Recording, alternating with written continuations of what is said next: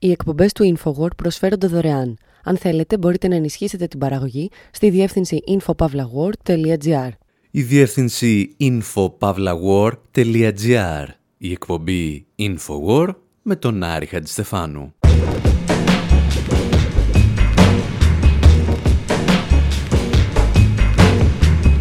Όπου σήμερα συζητάμε για αμερικανικές παραγωγές που ασκούν σκληρή κριτική στο αμερικανικό πολιτικό και στρατιωτικό κατεστημένο. Ή τουλάχιστον έτσι νομίζουν. Συγκρίνουμε την τηλεοπτική σειρά House of Cards με τα έργα του Shakespeare και αναρωτιόμαστε αν αυτό σηματοδοτεί το μεγαλείο τους ή ότι βρίσκονται εκτός τόπου και χρόνου. Αναρωτιόμαστε εάν ο Μάκβεθ θα μπορούσε να αντικαταστήσει τον Ντόναλτ Τραμπ ή αν ήταν ο Τραμπ που αντικατέστησε τον Μάκβεθ στον προεδρικό θόκο. Και ύστερα διηγούμαστε ιστορίες για μια μαγική εξαίρεση του αμερικανικού κινηματογράφου. Συζητάμε για το War Machine, τη νέα ταινία με τον Brand Pitt για τον πόλεμο στο Αφγανιστάν. Ίσως την καλύτερη αντιπολεμική ταινία των τελευταίων χρόνων ακούμε παλαιότερες ιστορίες σοβιετικής ροκ και σκεφτόμαστε γιατί καμία αυτοκρατορία δεν καταλαβαίνει πόσο δύσκολο είναι να καταλάβεις το Αφγανιστάν.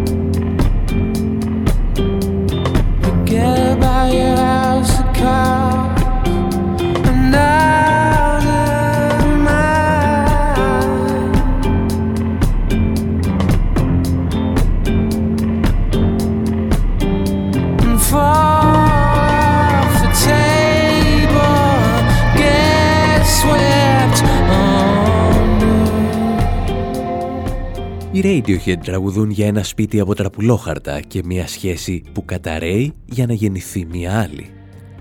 Και ενώ το τραγούδι είναι υπερβολικά σχετό με το θέμα που συζητάμε, στηρίζεται σε μια βασική αρχή. Ότι πολλές φορές οι σχέσεις εξουσίας που οικοδομείς μπορεί να ανατραπούν μέσα σε μερικά δευτερόλεπτα. Ειδικά εάν έχεις πατήσει επιπτωμάτων για να τις οικοδομήσεις.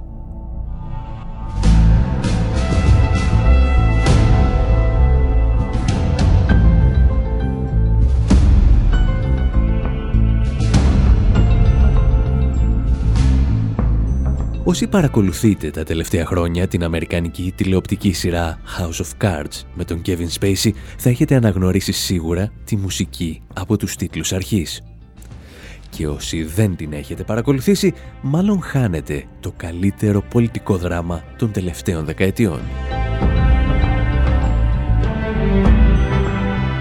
Το House of Cards διηγείται την ιστορία ενός μακιαβελικού πολιτικού των δημοκρατικών του κυρίου Φρανκ Underwood, ο οποίος πατά κυριολεκτικά επιπτωμάτων για να φτάσει στην Προεδρία των Ηνωμένων Πολιτειών και να παραμείνει εκεί. Και ο Kevin Spacey δίνει σε αυτό το ρόλο μαθήματα υποκριτικής. The road to power is paved with hypocrisy and casualties. Never regret.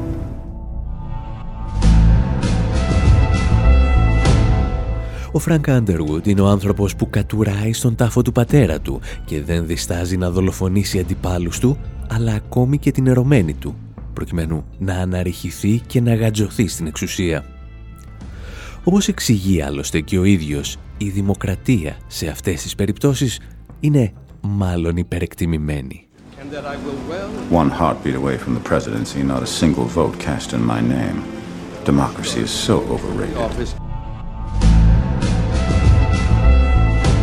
Και όταν πλέον έχεις ξεκινήσει να βαδίζεις σε αυτό το μονοπάτι, θα έρθει η στιγμή που ως πρόεδρος θα χρησιμοποιήσεις την τρομοκρατία σαν πρόσχημα για να επιβάλλεις την εξουσία σου μέσα από ένα αστυνομικό και στρατιωτικό κράτος. That's right. We don't submit to terror. We make the terror.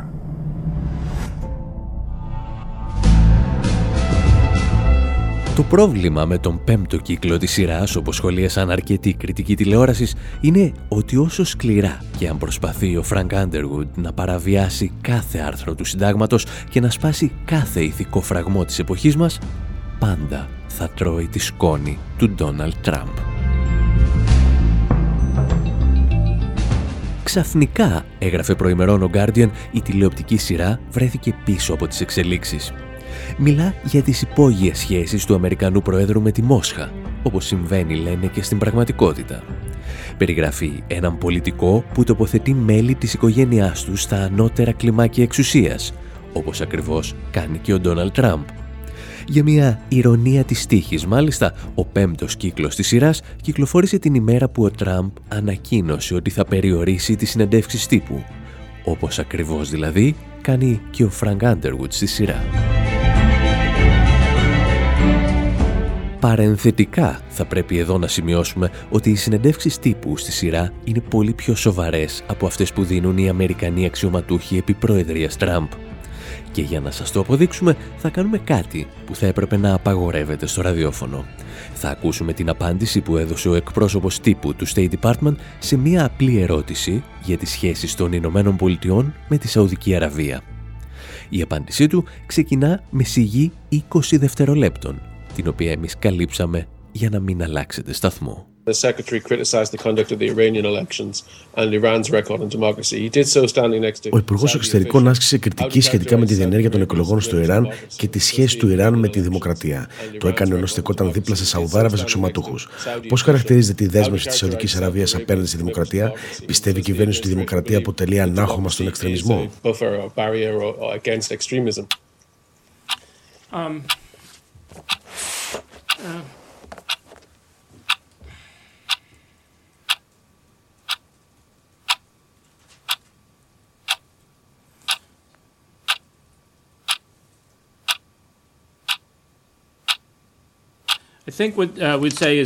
την απάντηση του εκπροσώπου τύπου του State Department δεν χρειάζεται καν να την ακούσετε, γιατί είναι πιο γελία ακόμη και από τα 20 δευτερόλεπτα της σιωπής του.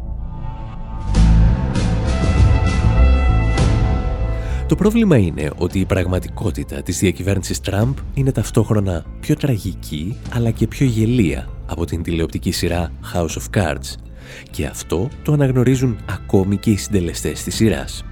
Ο κόσμος λένε θα παρακολουθεί τη σειρά και θα λέει εντάξει, δεν είναι και τόσο τρελό. The madness that's happening in, in the current, with this current administration is, uh, it's, it's, it's going to be, people are going to watch House of Cards and be like, that's not so crazy.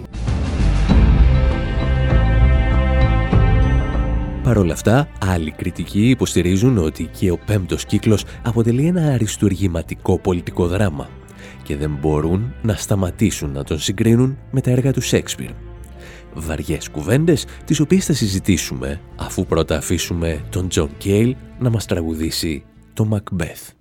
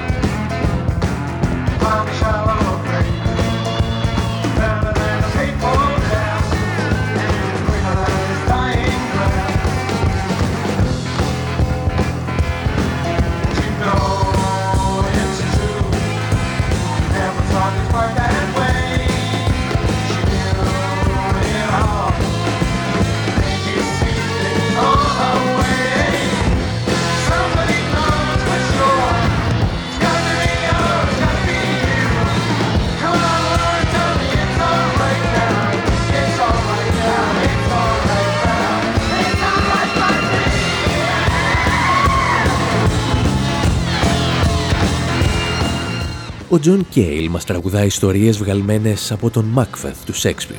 Μας θυμίζει πως δολοφόνησε τον καλύτερο του φίλο, τον Μπάνκο, για να εξασφαλίσει το θρόνο. Κυρίως όμως τραγουδά για τη Λαίδη Μάκβεθ, η οποία γνώριζε τα πάντα, δεν έλεγε τίποτα, αλλά κανόνιζε όλα να γίνονται όπως η ίδια τα επιθυμούσε να γίνουν. Αρκετοί τηλεκριτικοί υποστηρίζουν σήμερα ότι το House of Cards δανείζεται πολλά στοιχεία από τα έργα του Shakespeare και ανάμεσα σε απλουστευτικές αναλύσεις συναντά κανείς στο YouTube και ορισμένες ενδιαφέρουσες. Όπως εδώ μαθαίνουμε τι σημαίνει να ρίχνεις τον λεγόμενο τέταρτο τείχο του θεάτρου. Η στιγμή που ο πρωταγωνιστής μιλά απευθεία στο κοινό. House of Cards draws on the spirit of Shakespearean history and tragedy to imbue its drama with hyperreal grandeur and intrigue. Το House of Cards αντλεί έμπνευση από τις ιστορίες και τις τραγουδίε του Σέξπιρ για να τονώσει τη δραματουργία με εξωπραγματικό μεγαλείο και ίντρικα. Κανένα άλλο σύριαλ δεν μας βοηθά τόσο πολύ να κατανοήσουμε πώς αισθανόταν το κοινό του Σέξπιρ όταν έβλεπε τον Ριχάρδο τον Τέιτο. Στο έργο του Σέξπιρ, ο Ριχάρδο μιλά απευθεία στο κοινό, όχι σαν απολογία, αλλά σαν να στέλνει ένα χερέκακο μήνυμα. Στο House of Cards χρησιμοποιείται η ίδια τεχνική που γνωρίσαμε και στην πρωτότυπη βερδενική σειρά, αυτό που στο θέατρο αποκαλούν την πτώση του τέταρτου τείχου. Αυτή η θεατρική τεχνική θα μπορούσε να δείχνει βαρετή στην τηλεόραση. Η μέθοδος όμως λειτουργεί χάρη στην εξαιρετική ερμηνεία του Kevin Spacey. Ο ίδιος αποσυνδέει όσα λέει σε εμάς από την εικόνα που δίνει προς όλους τους άλλους. Το ότι αποκτούμε πρόσβαση στο μυαλό του μας συναρπάζει. Το γεγονός ότι γνωρίζουμε τα μυστικά του μας φέρνει στο πλευρό του. Φτάνουμε να ευχόμαστε να επιτύχει όποιο και αν είναι το τίμημα. Αισθανόμαστε ότι κατέχουμε τη γνώση και είμαστε κι εμείς ανώτεροι από τα ανόητα θύματα του. Η ψυχολογική επίδραση πάνω μας είναι η ίδια που χρησιμοποιούσε ο Σέξπιρ με τους θεατές του. All of this psychologically works on us the same way Shakespeare played his audiences. Ο τρόπος λοιπόν με τον οποίο ο Frank Underwood διακόπτει την πλοκή στο House of Cards και απευθύνεται απευθείας σε εμάς δεν είναι μεταμοντέρνος, όπως αφελώς υποστηρίζουν ορισμένοι. Δεν είναι καν μοντέρνος, αφού και ο Μπρέχτ μας έμαθε πώς να ρίχνουμε τον τέταρτο τοίχο. Είναι μια τεχνική παλιά όσο και ο Σέξπιρ. Οι συγκρίσεις λοιπόν του House of Cards με τα έργα του Shakespeare επανέρχονται συνεχώς και πάντα η συζήτηση καταλήγει στον Macbeth.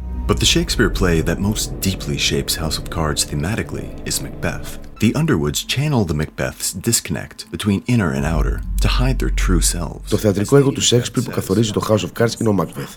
Ο Frank Underwood αναρωτιέται σε κάποιο σημείο εάν μιλά με ένα νεκρό με τον ίδιο τρόπο που ο Macbeth αισθάνεται να τον κυνηγά το φάντασμα του Μπάνκο, του φίλου του που ο ίδιος δολοφόνησε. Ακόμη μεγαλύτερη ομοιότητα με τη σύζυγό του Underwood, την Claire, η οποία σε αρκετές περιπτώσεις εμφανίζεται ακόμα πιο φιλόδοξη από τον Frank. Ο τρόπος με τον οποίο η Claire απαρνείται τον ρομαντισμό, την πίστη και τη μητρότητα μας θυμίζει την πιο διάσημη φράση της Λέδη Macbeth. Of Lady Macbeth's famous words. Unsex me. Οι μεταφραστές του Σέξπιρ δίνουν εδώ και δεκαετίες μάχη για να αποφασίσουν ποια θα ήταν η καλύτερη μετάφραση στη φράση «unsex me». Άλλαξέ μου το φύλο, αφαίρεσέ μου τη σεξουαλικότητα, στείρωσέ με. Είναι όλα αυτά, αλλά και τίποτα. Η Λαίδη Μάκβεθ γίνεται συνένοχος στο κυνήγι της εξουσίας και δεν υπάρχει τίποτα που να την διακρίνει από τον σύζυγό της. Όπως θα έλεγε άλλωστε και ο Frank Underwood στο House of Cards, τα πάντα αφορούν το σεξ εκτός από το ίδιο το σεξ, το οποίο αφορά την εξουσία.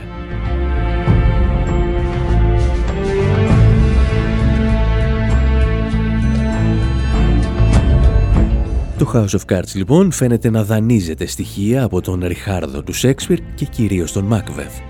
Είναι όμως αυτή η σωστή σύγκριση αν θέλεις να ασκήσεις σκληρή κριτική στον Αμερικανό πρόεδρο και κυρίως ασκεί πράγματι κριτική το House of Cards στο θεσμό της Αμερικανικής Προεδρίας. Θα μοιραστούμε μερικές σκέψεις ύστερα από ένα μικρό διάλειμμα.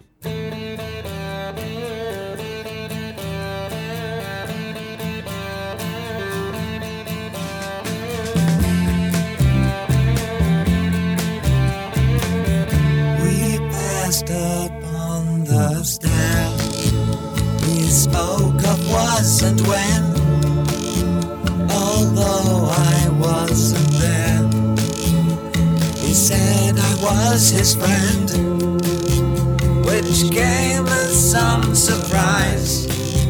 I spoke in into his eyes. I thought you died alone a long, long time ago.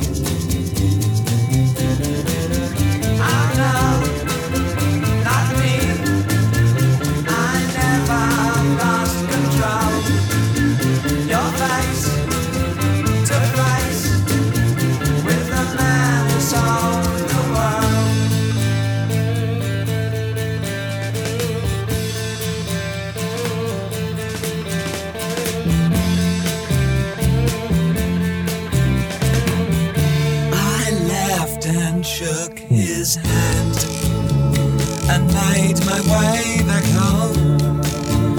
I searched for form and land. For years and years I roamed. I gazed a gazeless stare at all the millions here. We must have died alone a long, long time ago.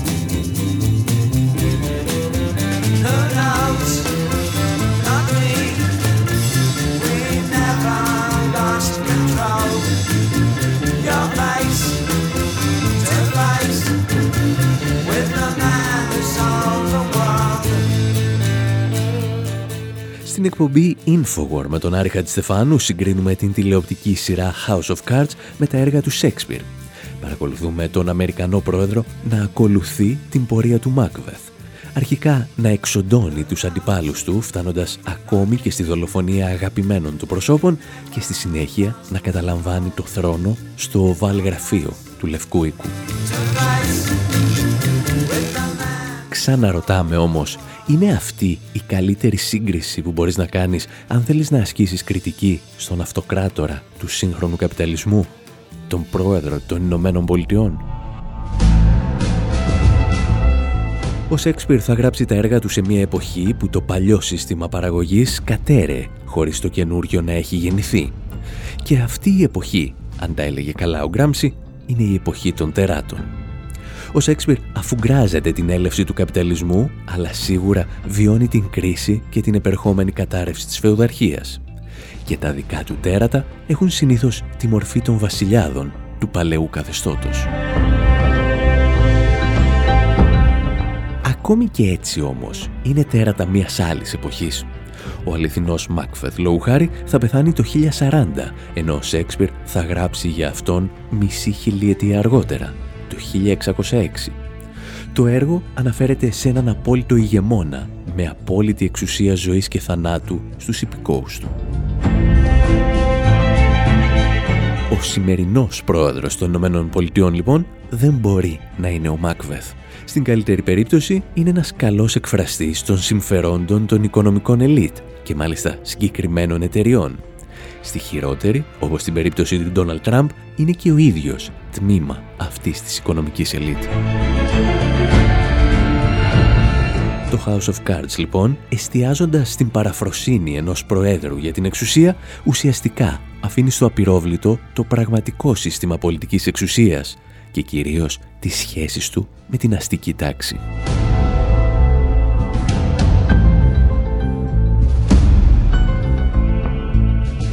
Εσείς πάλι, αν βρίσκετε κάτι ενδιαφέρον σε όλα αυτά, μένετε εδώ, γιατί ύστερα από ένα μικρό διάλειμμα επιστρέφουμε με μια ταινία με τον Brand Pitt που πατάει πολύ πιο στέρεα στην αμερικανική και την παγκόσμια πραγματικότητα. Μέχρι τότε, απλώς να θυμάστε πως για ό,τι μας χρειαστείτε, μας βρίσκεται στη διεύθυνση info.pavlawar.gr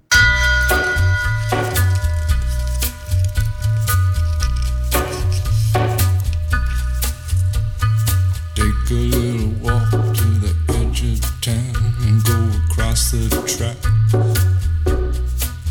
where the viaduct looms like a bird of doom as it ships and cracks. Where secrets lie in the border fires and the humming wires. Yeah, man, you know you're never coming back. Across the square, across the bridge, past the mills, past the stacks. On a gathering storm comes a tall, handsome man in a dusty black coat with a red right hand.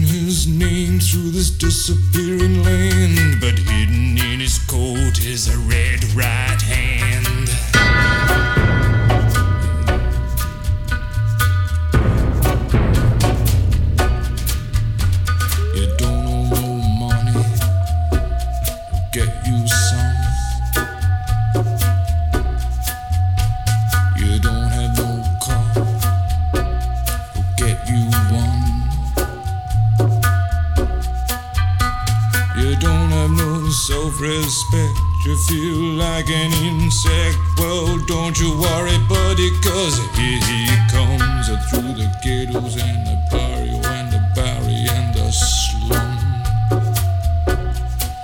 His shadow is cast wherever he stands. Stacks of green paper in his red right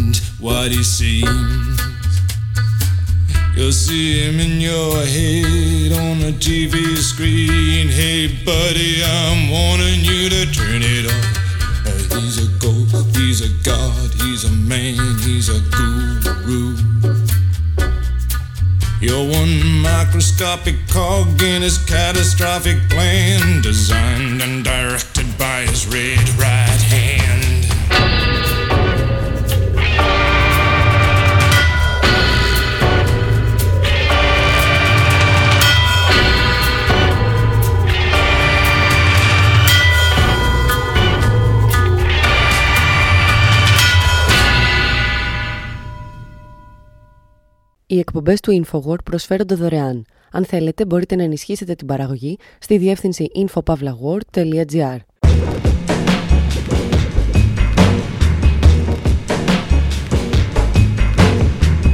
Η εκπομπή Infowar με τον Άρη Χατζηστεφάνου. Όπου σήμερα με αφορμή μια νέα ταινία με τον Brand Pitt αναρωτιόμαστε εάν οι Αμερικανοί μπορούν ακόμη να ασκούν την καλύτερη κριτική στα εγκλήματά τους.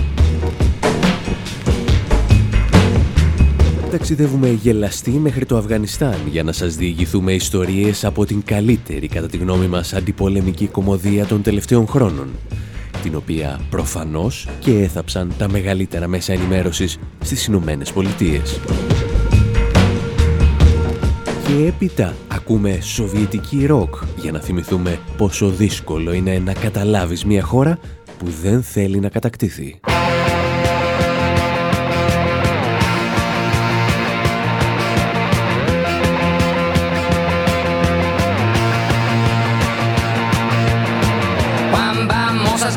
sur mon lit à bouffer sa langue en buvant dans mon whisky quant à moi peu dormi, vide et bris mais j'ai dû dormir dans la gouttière où j'ai eu un flash en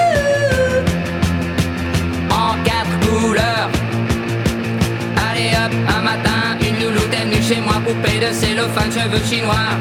Un une gueule de bois. A bu ma bière dans un grand verre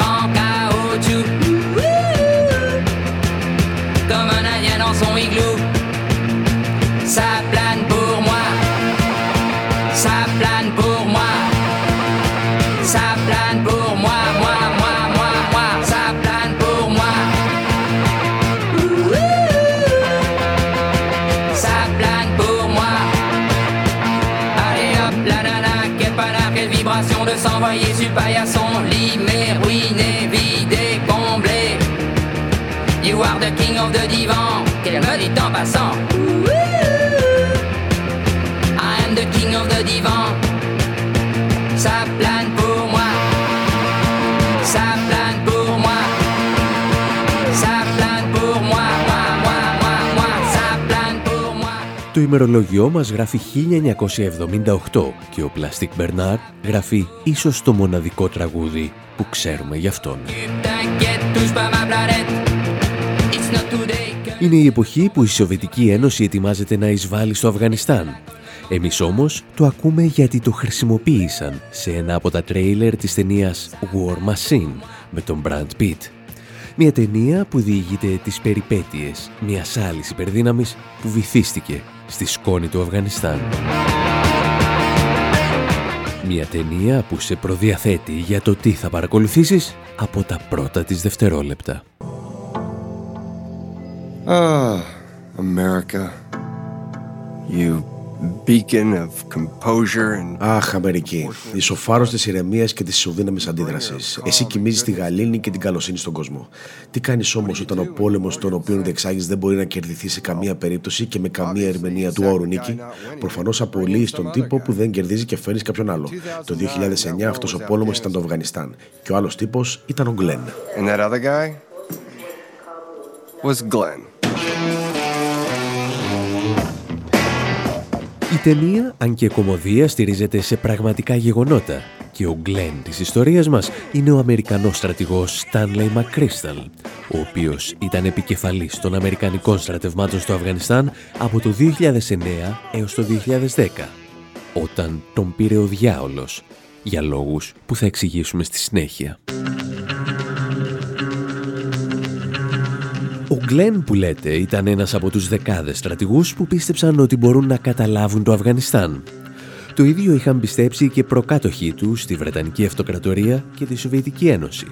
Αλλά αυτός δεν έμαθε τίποτα. Το χαβά του.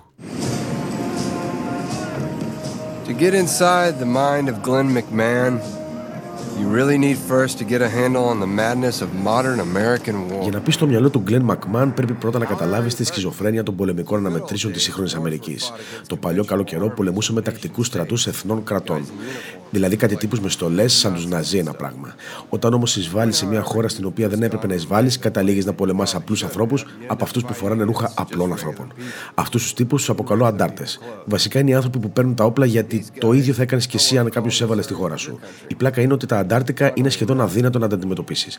Έτσι λοιπόν, αν θες να συνεχίσεις να προσποιήσεις ότι θα κερδίσεις, πρέπει να πείσει τη χώρα στην οποία εισέβαλε ότι πήγες εκεί για να βοηθήσεις.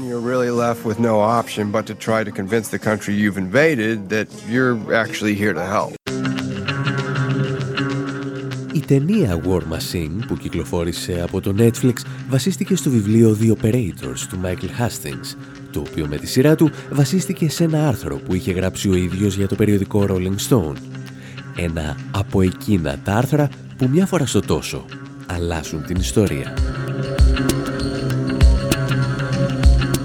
Ο Μάικλ Χάστινγκς είχε απεριόριστη πρόσβαση δίπλα στον στρατηγό Stanley McChrystal και σε αντίθεση με το σύνολο σχεδόν των λεγόμενων embedded δημοσιογράφων αυτός έγραψε την αλήθεια. Για την ακρίβεια υπήρξαν δύο αποκαλύψεις που άλλαξαν την αντίληψη της διεθνούς κοινότητας για το Αφγανιστάν. Η πρώτη ήταν η δημοσίευση στο Wikileaks ενός βίντεο που έδειχνε την εμψυχρό δολοφονία αμάχων και το δεύτερο ήταν το άρθρο του στο Rolling Stones. Τα εξηγούσε όμως καλύτερα ο δημιουργός του Wikileaks, Julian Assange, μιλώντας στο Democracy Now! Going in order there, collateral murder, a documentary that we produced based on the αν πάρουμε τα πράγματα με τη σειρά, πρώτα είχαμε την κυκλοφορία του βίντεο με τίτλο Παράπλευρες δολοφονίες. Ήταν ένα ντοκιμαντέρ που ετοιμάσαμε με πλάνα από ένα ελικόπτερο Απάτσι, το οποίο πολυβολούσε 12 με 18 άτομα στην Παγδάτη, συμπεριλαμβανομένων και δύο δημοσιογράφων του Reuters. Μιλάμε για δολοφονία, γιατί βλέπαμε έναν τραυματισμένο άνθρωπο να σέρνεται στο έδαφος και ύστερα παρακολουθούμε τη δολοφονία όσων ήρθαν να τον βοηθήσουν. Ύστερα κυκλοφόρησε η έρευνα του δημοσιογράφου Mike Hastings και του στρατηγό McChrystal. Μέχρι τότε το ερώτημα ήταν τι μπορούμε να κάνουμε για το Αφγανιστάν. Μετά τη δημοσίευση του κειμένου και των στοιχείων από το Wikileaks, η ερώτηση έγινε πώς θα μπορέσουμε να φύγουμε από το Αφγανιστάν.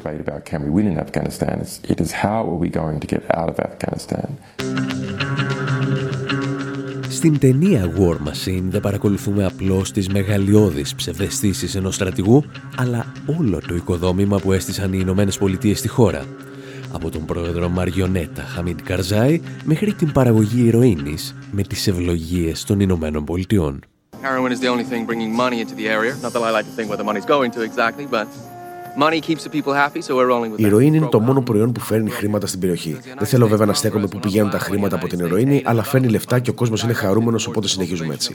Θα μπορούσαν φυσικά να καλλιεργούν βαβάκια, αλλά το Αμερικανικό Κογκρέσο δεν επιτρέπει να επενδύονται κεφάλαια αρρωγής και ανάπτυξη σε καλλιέργειε που θα κυκλοφορήσουν στις διεθνείς αγορές και θα ανταγωνίζονται τα αμερικανικά προϊόντα. Έτσι αποκλείει το βαβάκι. Οπότε παράγουμε ηρωίνη which pretty much rules out cotton. Sure. So we're growing heroin instead. Right. Ύστερα από την κυκλοφορία του άρθρου του Μάικλ Hastings, στο οποίο στηρίχθηκε όπως είδαμε η ταινία, ο πρόεδρος Ομπάμα θα καλέσει τον στρατηγό Μακρίσταλ στην Ουάσιγκτον και θα ζητήσει την παρέτησή του. Το πρόβλημα ήταν ότι δεν τον απομάκρυνε από τα καθήκοντά του για τις ανθρωποσφαγιές, αλλά γιατί ο στρατηγός έβριζε τον πρόεδρο και τον αντιπρόεδρο των Ηνωμένων Πολιτειών. Γεγονός που μας οδηγεί σε ένα άλλο πιο σημαντικό ερώτημα. Τι δεν καταλαβαίνουν τόσες αυτοκρατορίες με το Αφγανιστάν και γιατί ξοδεύουν τόσα τρισεκατομμύρια εδώ και αιώνες για να καταλάβουν αυτή την περιοχή του πλανήτη; Για να απαντήσουμε θα χρειαστεί να ακούσουμε λίγη σοβιετική ροκ και μερικές κουβέντες που έλεγε παλιότερα ο Μακαρίτης, πρώην Σύμβουλος Εθνικής Ασφάλειας, Σμπίκνιου Μπρεζίνσκι.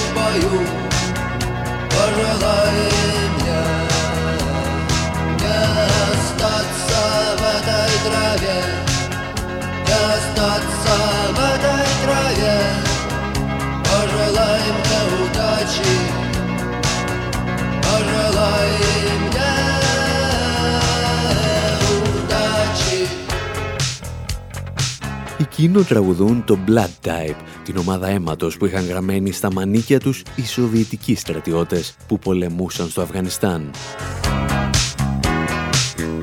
τραγουδούν για σκονισμένες μπότες που πρέπει να πατούν επιπτωμάτων. Ευχήσου μου, λένε εκείνο, καλή τύχη για τη μάχη. Ευχήσου μου να μην μείνω για πάντα στο γρασίδι αυτής της χώρας, γιατί το μόνο που είναι να είμαι μαζί σου. Εκείνο θα γράψουν το Blood Type όταν η Σοβιετική κοινωνία έχει φτάσει στα όρια της αντοχής της με τον πόλεμο στο Αφγανιστάν. Όπως είχε κατανοήσει πολύ νωρίτερα και η Βρετανική Αυτοκρατορία, αυτό το κομμάτι του πλανήτη δεν κατάφερε κανένας να το καταλάβει στρατιωτικά. Και έτσι, το πρωί της 4ης Ιανουαρίου του 1988, ο τότε Υπουργός Εξωτερικών της Σοβιετικής Ένωσης, Έντουαρντ Σεβαρντνάτζε, επιβιβάστηκε σε ένα αεροσκάφος και ταξίδεψε μέχρι το Αφγανιστάν. Εκεί όπου θα συναντούσε τον άνθρωπό του στην Καμπούλ, τον πρόεδρο Μοχάμετ Νατζιμπουλάχ. Για την ιστορία εκείνη η συνάντηση είχε διαφορετικά αποτελέσματα για τους δύο άνδρες. Μετά την πτώση της Σοβιετικής Ένωσης, ο Σεβαρτνάντζε έγινε πρόεδρος της Γεωργίας. Ο Νατζιμπουλάχ πάλι απαγχωνίστηκε από τους Ταλιμπάν, οι οποίοι πρώτα του έκοψαν τα γεννητικά όργανα και δεν έχει σημασία τι τα έκαναν. Σε κάθε περίπτωση η Σοβιετική υπερδύναμη είχε ιτηθεί από τους αντάρτες της χώρας εκείνης για τους οποίους τραγουδούσε στη δεκαετία του 80 το βρετανικό συγκρότημα Angelic Upstarts Guns for the Afghan Rebels όπλα για τους Αφγανούς αντάρτες. Τους ακούμε και επιστρέφουμε.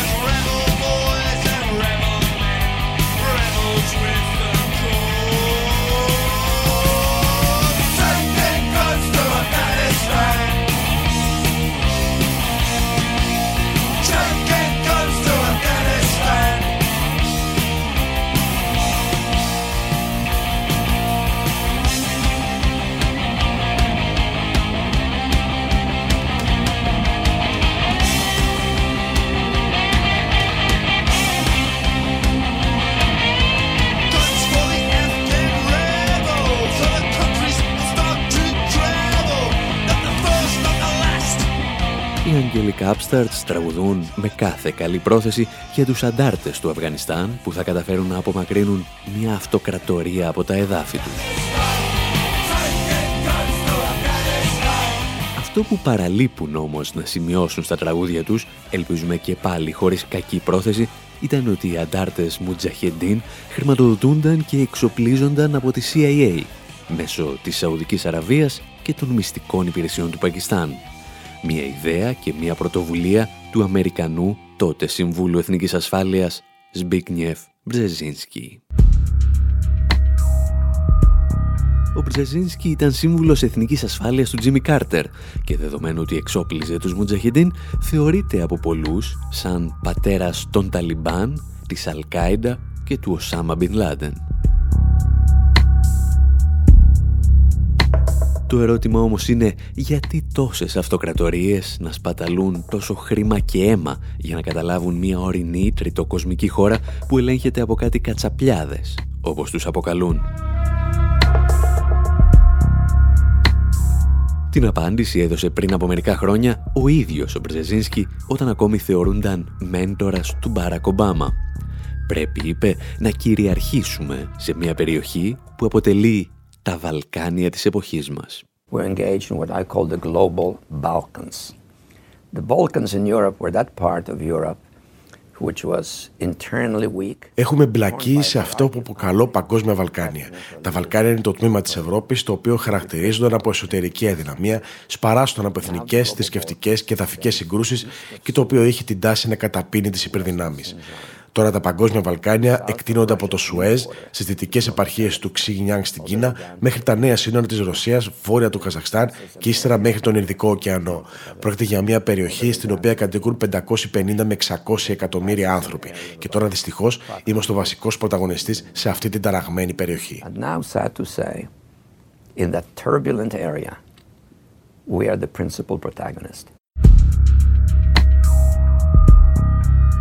Το καλό με τους ρεαλιστές των διεθνών σχέσεων είναι ότι δεν μασάνε τα λόγια τους όταν μιλάνε για το εθνικό συμφέρον. Και ο Μπρεζεζίνσκι δεν αφήνει καμία αμφιβολία για το ποιο είναι το εθνικό συμφέρον των Ηνωμένων Πολιτειών στα παγκόσμια Βαλκάνια. Να ελέγχουν τους ενεργειακούς διαδρόμους ώστε να μην επιτρέψουν σε καμία άλλη δύναμη να κυριαρχήσει. I don't say America ought to be the arbiter of this, but I do think that it's important for us to recognize Δεν υποστηρίζω ότι οι Ηνωμένες Πολιτείες πρέπει να είναι επιθετητοί σε αυτή την περιοχή. Πρέπει να καταλάβουμε όμως ότι ο έλεγχος των ενεργειακών πηγών σε αυτή την περιοχή είναι πολύ σημαντικός για τις ισορροπίες ισχύως σε ολόκληρο τον πλανήτη. Εάν άλλες περιοχές του πλανήτη που μας ενδιαφέρουν, όπως η Απανατολή, η Ιαπωνία, η Κίνα και η Δυτική Ευρώπη, εξαρτώνται από μια δύναμη, οι επιπτώσεις θα είναι καταστροφικές και θα ξεσπάσουν νέες συγκρούσεις. Γι' αυτό λόγου χάρη λέμε ότι η ασφάλεια απαιτεί την ύπαρξη διαφορετικών πηγών ενέργειας. And therefore, for example, diversity of sources of energy is a source of security. Ο έλεγχος των ενεργειακών πηγών, υποστηρίζει λοιπόν ο Μπρεζεζίνσκι, δικαιολογεί την κλιμάκωση των αμερικανικών επιχειρήσεων στο Αφγανιστάν και το Πακιστάν. Ο οικονομολόγος και συγγραφέας William Engel πάντως προχωρά την κουβέντα ένα βήμα παραπέρα, μιλώντας πριν από χρόνια στο δίκτυο Real News. Οι Ηνωμένες Πολιτείες, υποστήριζε τότε, είναι αναγκασμένες να προβάλλουν την στρατιωτική τους ισχύ γιατί δεν τους έχει μείνει και τίποτα άλλο για προβολή. They're going for it all globally uh, domination of land, sea, air, cyberspace, outer space, uh, militarization of outer space. Στόχος τους είναι η παγκόσμια κυριαρχία στο έδαφος, στη θάλασσα, τον αέρα, τον κυβερνοχώρο και το διάστημα.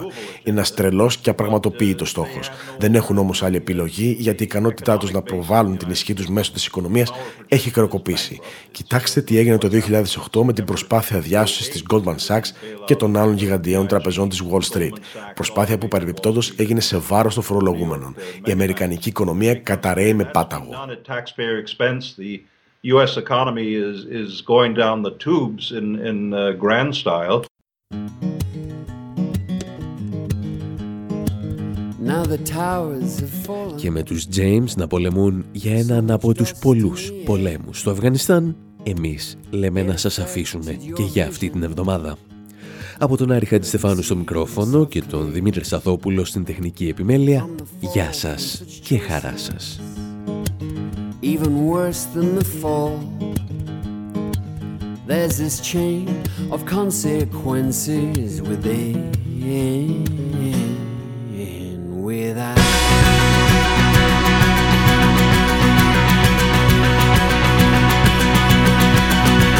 Action cause and reaction never falls to plan. Black swans on your picnic table over the jam. Please don't preach me forgiveness. You're hardwired for revenge. War is just about business.